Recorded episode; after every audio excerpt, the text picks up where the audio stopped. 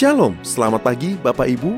Sesaat lagi Anda akan mendengarkan Ragi, Renungan Pagi, yang akan dibawakan oleh hambanya, Pendeta Hengki Budi. Selamat mendengarkan.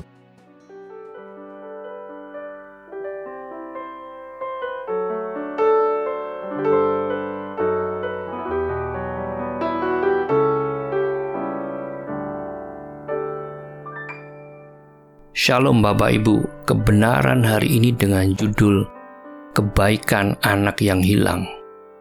Dalam Injil Lukas pasal yang ke-15 ayat 11 sampai ayat 32, perikop ini bercerita tentang anak bungsu yang meninggalkan rumah bapaknya dan meminta warisan sementara bapaknya masih hidup dan berani berkata, "Aku meminta hakku."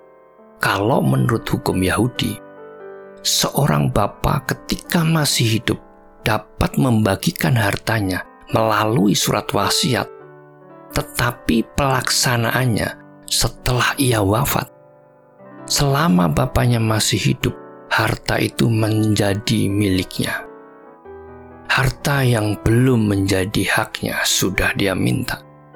Dan yang luar biasa bapaknya tetap memberi walaupun hatinya sedih dan terluka.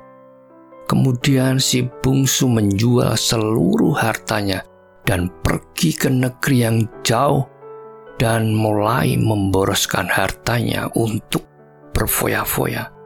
Si bungsu sebelumnya berpikir bahwa sukacita terbesar adalah ketika hidup di luar rumah bapaknya. Tetapi Akhirnya justru ia menyadari ketika dia hidup di luar rumah bapaknya, bukan kedamaian atau sukacita. Sebaliknya penderitaan, kehinaan, bahkan kemelaratan.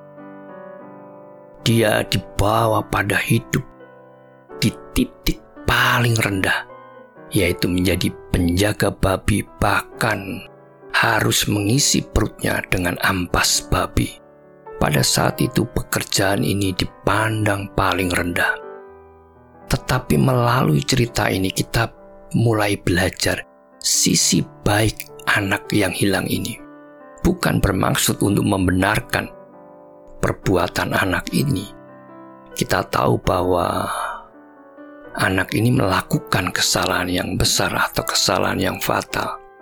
Tetapi di dalam ayat yang ke-17 ia menyadari keadaannya. Kalimat ini sangat penting karena akan membawa pada pertobatan yang sejati. Hanya orang yang menyadari kesalahannya akan mendapatkan pengampunan. Anak ini menyadari dan mengakui bahwa keberadaannya lebih buruk dibanding tinggal bersama dengan bapaknya kalau seseorang tidak pernah menyadari akan kesalahannya.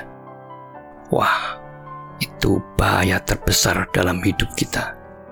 Pasti kita akan melihat hidupnya akan tetap sama dari tahun ke tahun. Yang suka berdusta tetap suka berdusta. Yang suka menyakiti tetap suka menyakiti yang suka merendahkan orang lain tetap merendahkan orang lain. Yang sombong tetap sombong. Yang berkata kasar tetap berkata kasar. Dan seterusnya. Dalam ayat 18, ia bangkit dan pergi ke rumah bapaknya. Menjadi sadar itu cukup sulit, tetapi untuk menindaklanjuti itu jauh lebih sulit.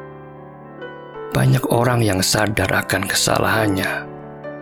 Buktinya banyak yang sadar akan kesalahan ini, kesalahan itu.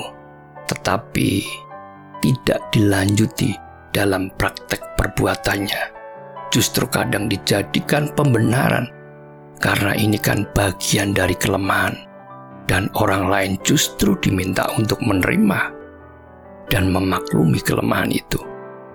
Tetapi anak yang hilang itu melakukan tindakan yang konkret.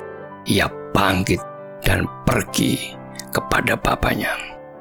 Kebaikan yang kedua, sekalipun dia minta pengampunan dari bapaknya, tetapi dia tetap mau menerima konsekuensi dan siap menerima hukuman. Dia berkata, "Aku tidak layak lagi disebutkan anak Bapa. Jadikan aku sebagai salah seorang upahan Bapa." Dalam ayat yang ke-19. Bapak Ibu, kita semua pernah melakukan kesalahan, mungkin kesalahan itu fatal. Tetapi mari kita belajar seperti anak yang hilang ini. Dia menyadari dan dia mulai bertindak. Hanya orang-orang seperti ini yang memiliki kemungkinan besar untuk berubah dan bertumbuh. Ia menunjukkan sifat-sifat yang mau dididik, mau mengakui kesalahan, dan mau menerima hukuman atas kesalahan itu. Pohon yang tumbang tidak bisa berdiri lagi, tetapi kita manusia masih bisa bangkit dan berdiri lagi apa pun kesalahan kita, mari kita belajar untuk menyadari dan mengakui. Sebab dosa yang tidak diampuni adalah dosa yang tidak pernah diakui. Mari kita bangkit kembali kepada Bapa kita, sebab hanya di pelukan Bapa kita menemukan kedamaian dan sukacita sejati. Tuhan Yesus memberkati. Sola Gracia. Terima kasih. Anda baru saja mendengarkan Ragi, Renungan Pagi, Persembahan Gereja Suara Kebenaran Injil, Making Life Better, Balikpapan. Tuhan Yesus memberkati.